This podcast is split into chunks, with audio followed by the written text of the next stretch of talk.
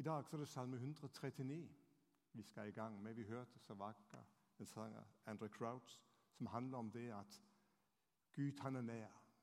Og det er ingen sted vi kan fly fra hans kjærlighet. Jeg skal starte med å lese de seks første versene. Og David han skriver Herre, du ransaker meg, og du vet. Du vet om jeg sitter eller står. På lang avstand kjenner du mine tanker. Om jeg går eller ligger, ser du det. Du kjenner alle mine veier. Før jeg har et ord på tungen, Herre, kjenner du det fullt ut. Bakfra og forfra omgir du meg. Du har lagt din hånd på meg. Det er et under jeg ikke forstår. Det er så høyt at jeg ikke kan fatte det. La oss be sammen. Herre, hellig oss i sannheten. Ditt ord er sannhet.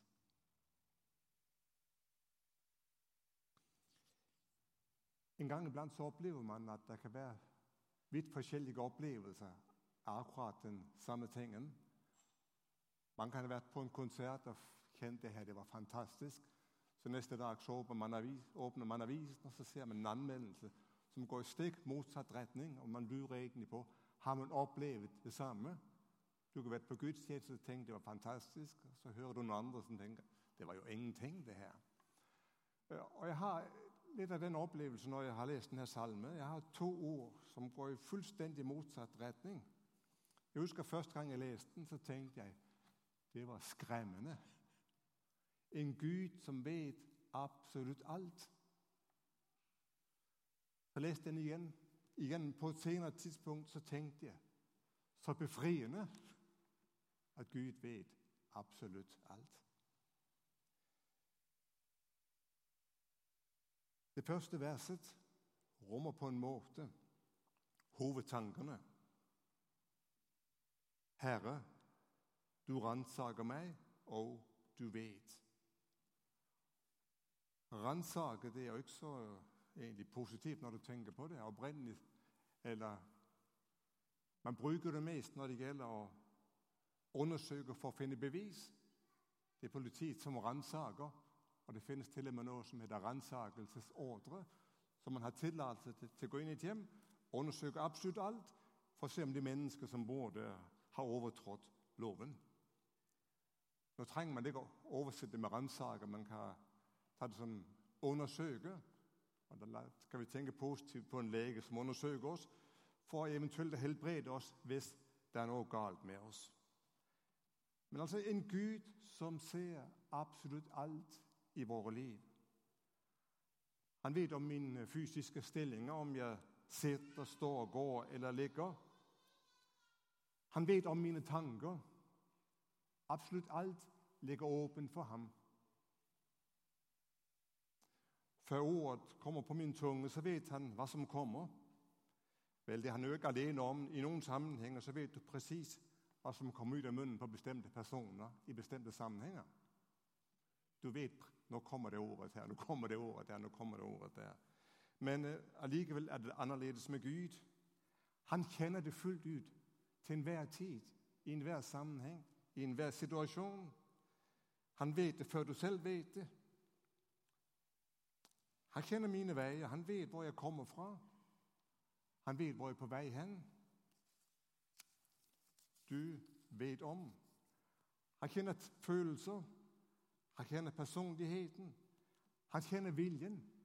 Absolutt alt ligger åpent for Gud. Gud ser det ingen andre ser.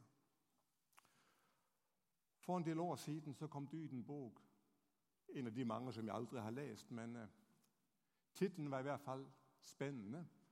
Den handler om at vi som person kan ha fire jeger. Den de fleste tror du er. Den de nærmeste tror du er. Den du selv tror du er, og den du virkelig er. Gud vet om hvem du er. Jeg lever mitt liv for en Gud som ser alt og vet alt. Handlinger, ord og tanker. Å tro at jeg som menneske kan skjule noe for ham, det er jo bare dumhet. For Herre, du ransaker meg, og du vet om. Og Når Gud sendte sin sønn Jesus til verden, så møtte mennesker en som visste absolutt alt om dem. Kjente enhver sammenheng, kjente enhver situasjon. Og Johannes evangeliet kapittel 2, vers 25, så skriver Johannes det på denne måte om Jesus. Han visste selv hva som bodde i mennesket. Og Slik møter han så mennesker, mange forskjellige typer mennesker. Og i enhver sammenheng så vet han hva de tenker, hva de føler, og hva de trenger. Han kommer inn i et hjem hvor det er voldsom trengsel. De spiser sammen. Og i trengselen er det en kvinne som kommer fram, kneler ned foran ham, foran ham og så vet hun hans føtter med tårene sine og tørker dem med håret. Og så står det her i Lukas 7,39 Da fariseeren som hadde innbudt ham, så det, tenkte han ved seg selv Var denne mannen en profet, vil han vite hva slags kvinne det er som rører ved ham, at hun fører et syndefullt liv. Og så står det Da tok Jesus til orde. Simon, jeg har noe å si deg. Og så deler han med ham det som egentlig berører Simon og hans liv. Jeg har noe å si deg. Og han har noe å si oss i enhver situasjon når han ser hva som bor i oss. En personlig hilsen, et personlig budskap. Han har til og med noe å si deg denne formiddag. Og du vil sette ditt navn foran. 'Jeg har noe å si deg.' Og han sier det ut fra det han ser i ditt liv. Går vi til Johans ombaring i begynnelsen, kapittel 2, vers 3, så beskrives sju forskjellige menigheter. Sju forskjellige menighetssituasjoner. Og Jesus har en hilsen til hver menighet. Og I hvert avsnitt så står det 'Jeg vet om'. Jeg vet om. Jeg kjenner til. La meg bare ta den første menigheten, menigheten i Efesus. Så sier Jesus, 'Jeg vet om dine gjerninger, ditt strev og din utholdenhet.' 'Jeg vet også at du kan tåle de onde.' 'Du har prøvet dem som kaller seg apostler, men ikke er det.' 'Og du har funnet at de er løgnere.' Jeg vet om. Jeg kjenner til. Herre, du ransaker meg. At vi lever for Hans ansikt. Han som kjenner til, som vet absolutt alt om oss. Våre tanker, ordene som fødes her inne. Herre, du ransaker meg. Det neste Herre, du vet om, eller som det sto i den forrige oversettelse, som jeg syns er enda bedre Herre, du kjenner meg. Du kjenner meg. Og Når Bibelen sier at Gud kjenner oss, så er det mer enn han vet om. Å kjenne meg det har noe å gjøre med at han og jeg vi har et personlig forhold, en relasjon. Å kjenne Gud er det evige livet. Johannes 17, 3. Og dette er det evige livet, at de kjenner deg, den eneste sanne Gud, ham du har sendt, Jesus Kristus. Herre, du ransaker meg, og du kjenner meg. Og Det mest fantastiske det er at den som kjenner oss best, er den som elsker oss aller mest. Å bli bedre kjent med mennesker kan gi så mange opplevelser.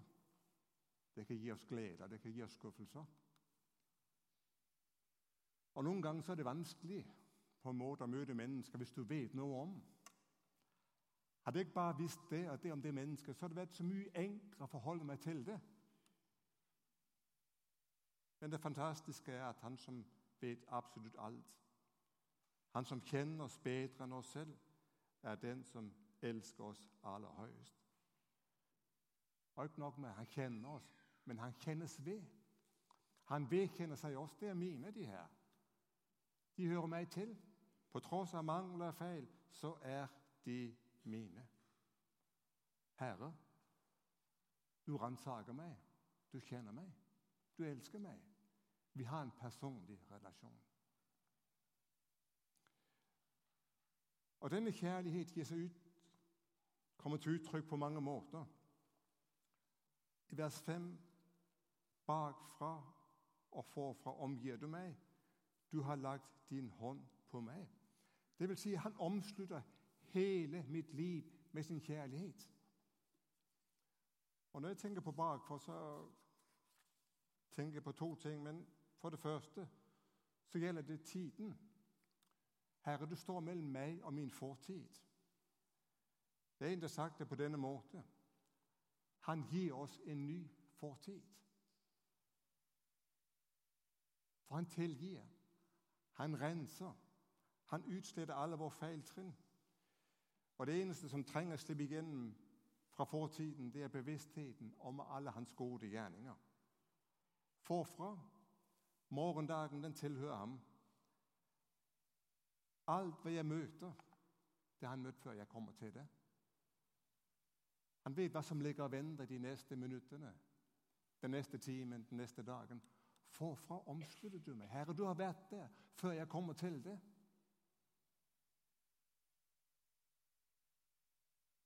Morgendagene tilhører ham. Så fantastisk. Trenger ikke være redd for det du skal møte, for han har vært der, for han er evig. Og Jeg tenker på nytt på ordene bakfra. Og jeg tenker på bakholdsangrep. Fare vi ikke ser kommer. Det er noen ganger vi ikke er helt klar over hva som møter oss. Men Herre, du er bak troppen. Du sørger for at intet skal ødelegge meg. Forfra, under tiden, så ser vi fienden komme imot oss. Og Så tenker vi hvordan i all verden skal jeg klare å møte akkurat det angrepet? Men også der omslutter han meg. Han går foran meg og møter det jeg skal møte. Herre, du omslutter meg bakfra og forfra. I forbindelse med denne teksten så har jeg tenkt litt søndagsskolesanger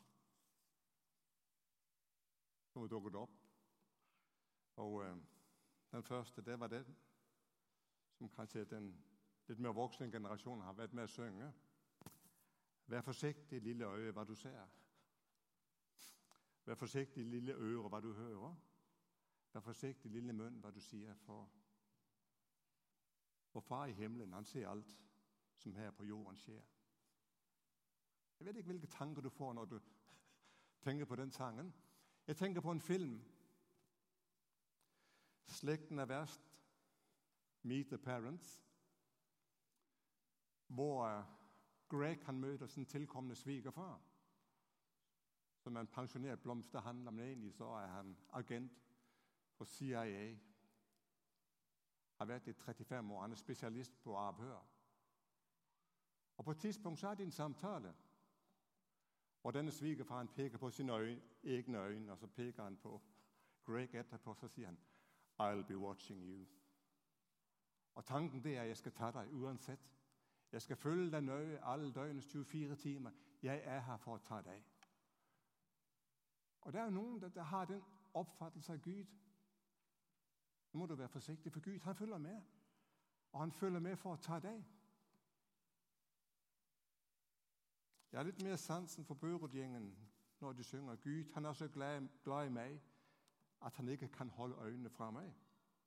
Dag eller natt, aldri forlatt, han bevarer meg. Jeg er bestandig trygg, for han er med meg gjennom alt det som skjer meg. Der hvor jeg står, eller der hvor jeg går, sitter og står, passer han på meg. Hvilket bilde har du av Gud? I'll be watching you. Han følger med. Ja visst følger han med. Men han gjør det fordi han elsker. Så fantastisk. Ok, Vi går videre i salmen. Nå skal jeg lese fra vers 7 til 12. Hvor skulle jeg gå fra din pust? Hvor kunne jeg flykte fra ditt ansikt? Stiger jeg opp til himmelen, er du der. Legger jeg meg i dødsriket, er du der. Tar jeg soloppgangens vinger og slår meg ned der havet ender, der fører din hånd meg også der. Din høyre holder meg fast. Jeg kan si, la mørket skjule meg, og lyset omkring meg blir natt. Men mørket omkring meg er ikke mørkt for deg, og natten er lys som dagen, mørket er som lyset. I tankene så beveger David seg nå til ytterpunktene i Guds skaperverk. Han beveger seg til og med til himmelen og ned i døds, dødsriket. Vinden av havet ved enden av jorden, i det dypeste mørket. Og overalt opplever han der er Gud. Det var en lille gutt som kom på søndagsskolen, og han møtte en større gutt. Og den store gutten tenkte nå skal jeg ta ham. Og så sier han du skal få ti dollar hvis du kan vise meg hvor Gud er. Og så svarer den lille tilbake du skal få ti dollar hvis du kan vise meg hvor Gud ikke er. Det har noe å gjøre med øynene som ser. Utgangspunktet opplevelser. Jeg husker en streamer som så klistret bak på en bil i hva det var vel i tiden med Jesus People. Meg kan du kjøre forbi, men Gud kommer du ikke utenom. Altså, flukten, eller flukten fra Gud er jo håpløs. Allerede Adam prøvde å flykte fra Gud. Gjemte seg bak en busk eller bak et fikenblad eller hva det var. Adam, hvor er du? David prøvde å flykte fra Gud da han sønner med Batseba opplever konsekvensene av det. Og Man kan prøve å flykte fra Gud hele livet, men på et eller annet tidspunkt så kommer vi til å stå ansikt til ansikt med ham. Det er en Gud som ser alt.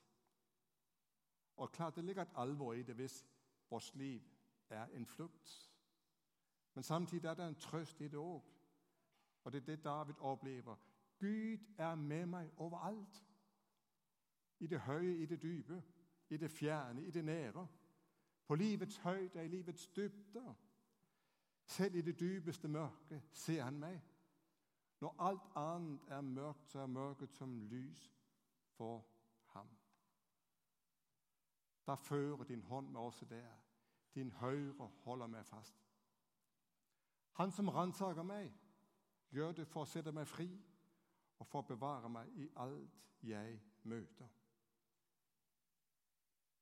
Han som følger meg, han som ser meg, han gjør det fordi han ønsker å møte meg og være nær.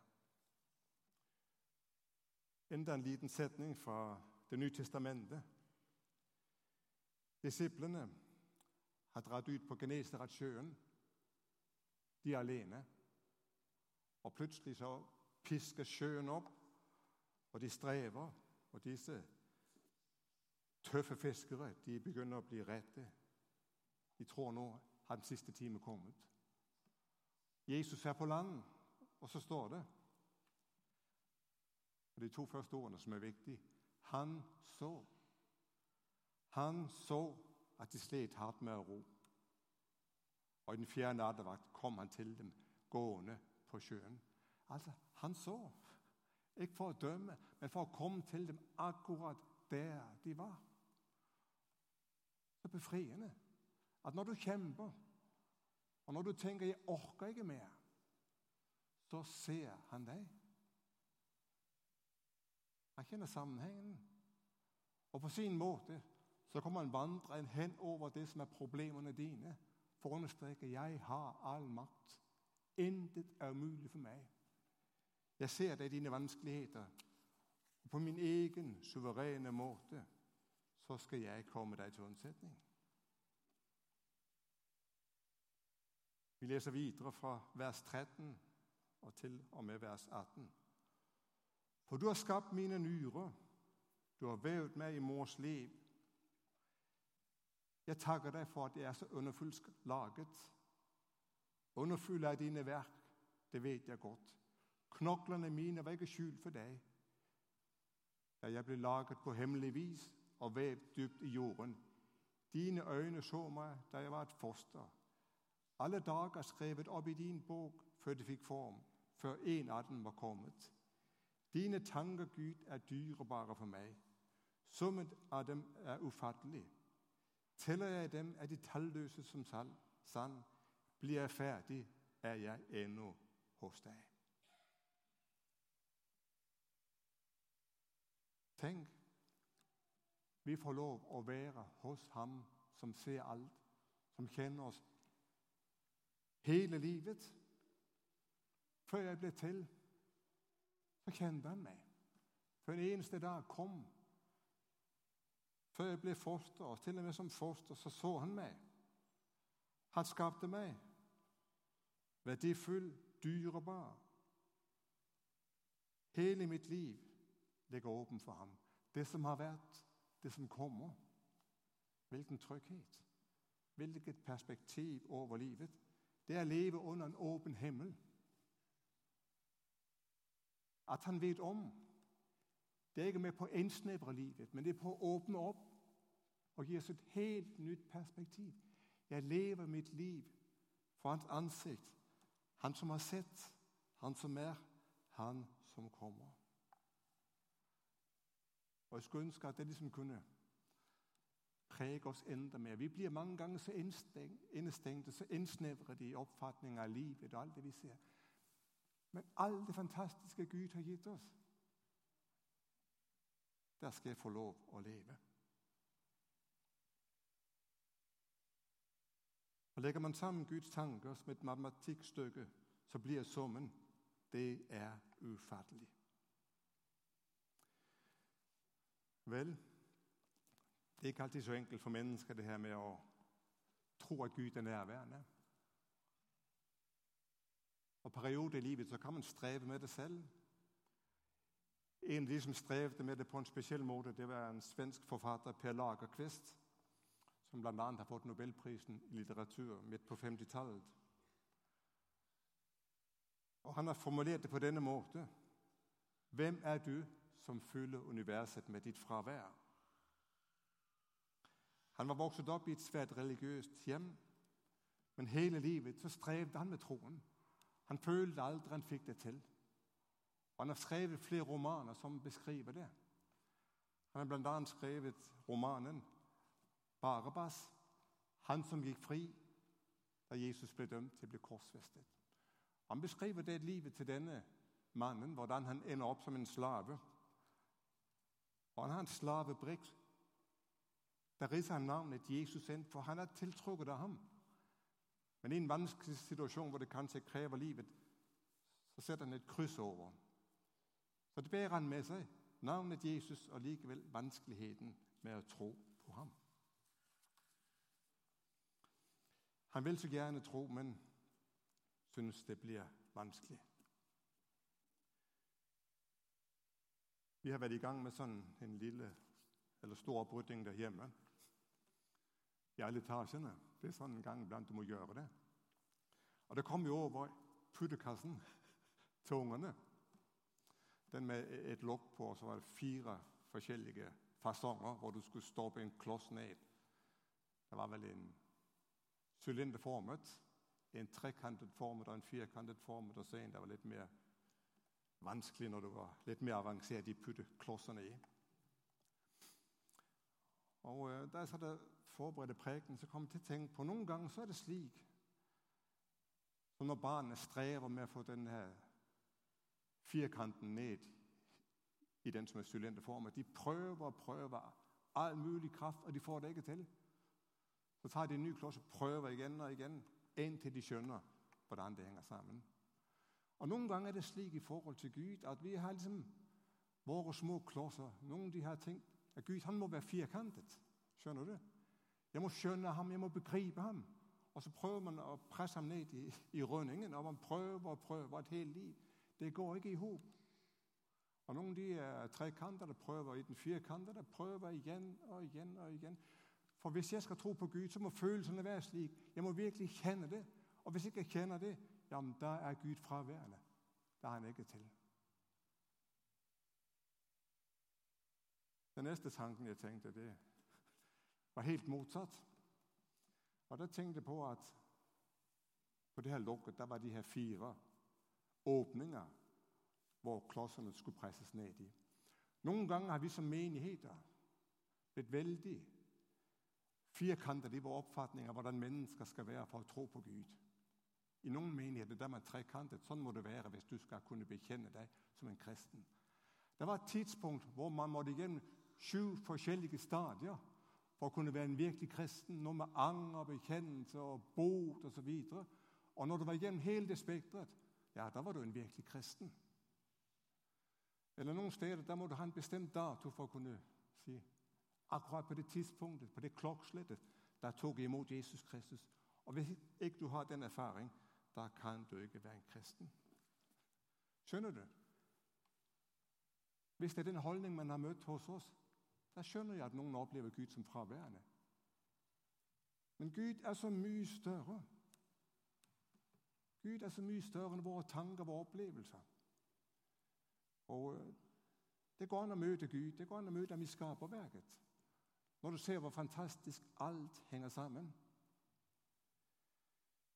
I forbindelse med forberedelsen her så satt jeg og leste en artikkel om en englender som var ateist og gikk offentlig ut med det. Var kjent for sin mangel på tro eller ikke ville tro. Så får han et barn, og eh, da hun sitter i stolen og spiser kanskje et, år eller halvannet, så blir han fascinert av øret hennes. Han stirrer på det og ser hvor fantastisk det er skapt, hvor fullkomment det er. Se på andre ting på kroppen hennes. Det er begynnelsen på en prosess hvor han gradvis skjønner at det er jo en Gud som har skapt det er fantastiske lille barnet. Og uh, han vier sitt liv til å dele sin tro med andre mennesker. Du møter Gud i skaperverket, i hver enkelt menneske. I den minste detalj inntil det helt store. Det går an å finne Gud der, om du er åpen for det. Det går an å møte Gud i denne her gamle boken. Ordene i den er levende. De er varme. De forandrer. De skaper noe nytt, hvor man våger å åpne seg opp og ta imot det. Paulus skriver i Romerbrevet Tenk ikke med deg selv hvem skal fare opp til himmelen, vil si få hente Kristus ned.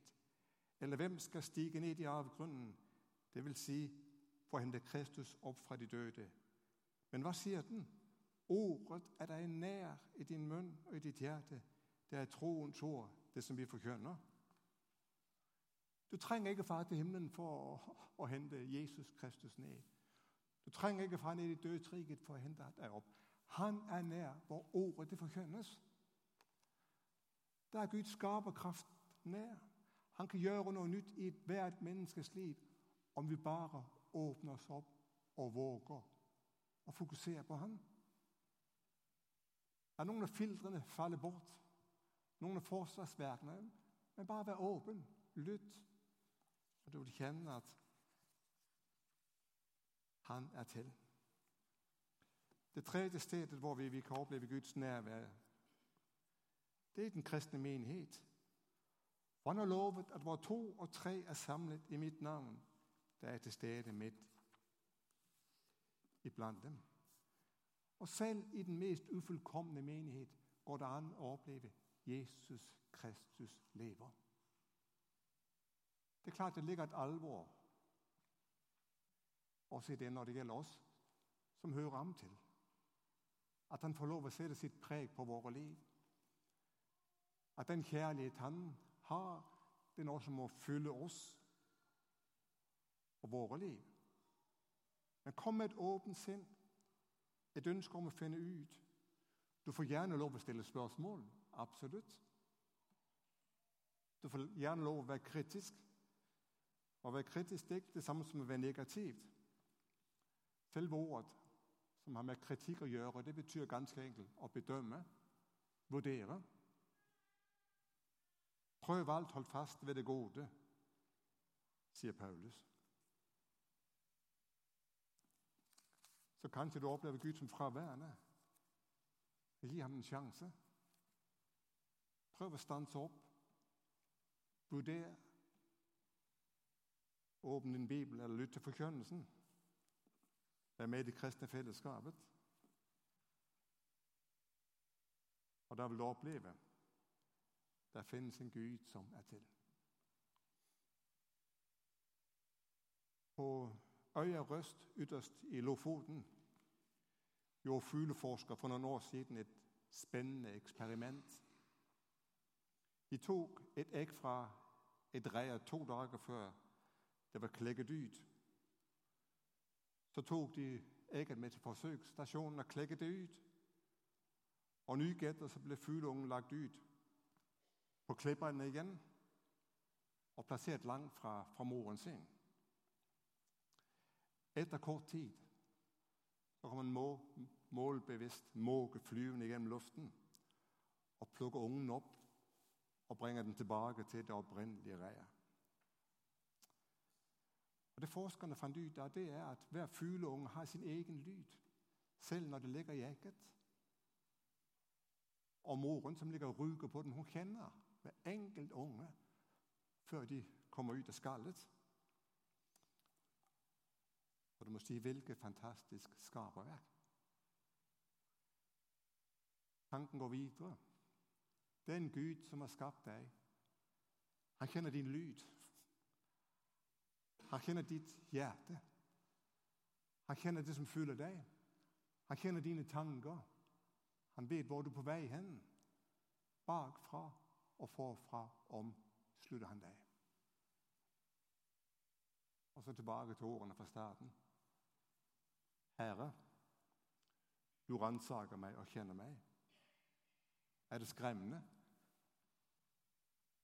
Eller er det befriende? Det er du som sitter med svaret.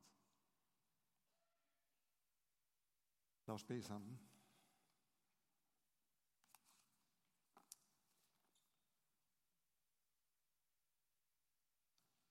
Allmektige Gud og himmelske Far.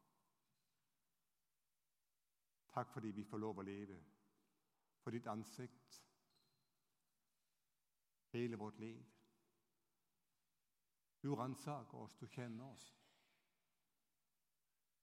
Du vet hvor vi er på vei hen med våre liv.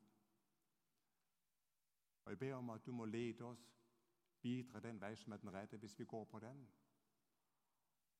Og vi forvillet oss bort her, altså takk at du kommer igjen og tar oss ved hånden å føre oss tilbake på veien som fører hjem til din evige verden.